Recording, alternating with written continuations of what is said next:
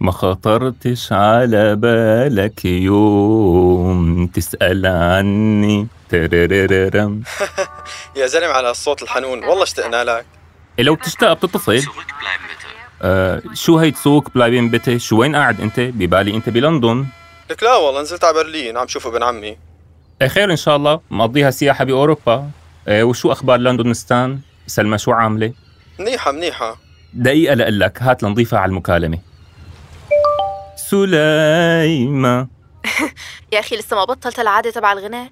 معك أحمد من إسطنبول ومسعود من برلين واجتماع انترناشونال لمباحثة أحوال الأمة. ما أنا أصلا رايحة هلأ أتباحث بشؤون الأمة. جمعة فيها من كل بستان زهرة شي من العراق وشي من فلسطين ولبنانية ومصريين وسودانيين ويمنية ومن الجزائر. كل واحد أخذ طبخته معه. إيه وبالله شو طبختي؟ مالي خلق ساوي شي طبخت تبولة بس استنى حزيمي في جنبي ورايحين سوا على القعدة.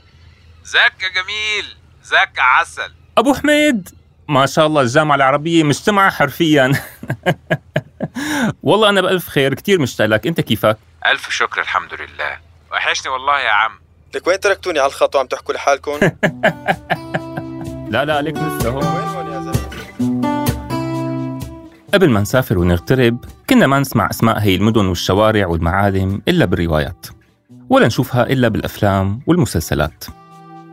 اللي بيسمعنا عم نحكي عن رحلاتنا ممكن يظن أنه نحن مجرد سياح مترفين لكن فعليا صفاتنا مو واضحة والأماكن اللي مستقرين فيها حاليا صعب تحكي عن سبب إقامتنا فيها هل نحن مهاجرين عم نسعى لفرصة أفضل؟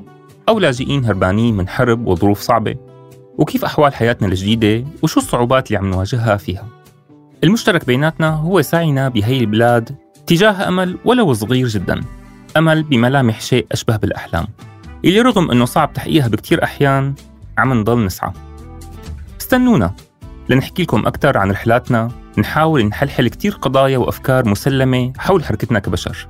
ونحكي عن قصص وتجارب ومجريات سياحتنا الإجبارية ببلاد الله الواسعة.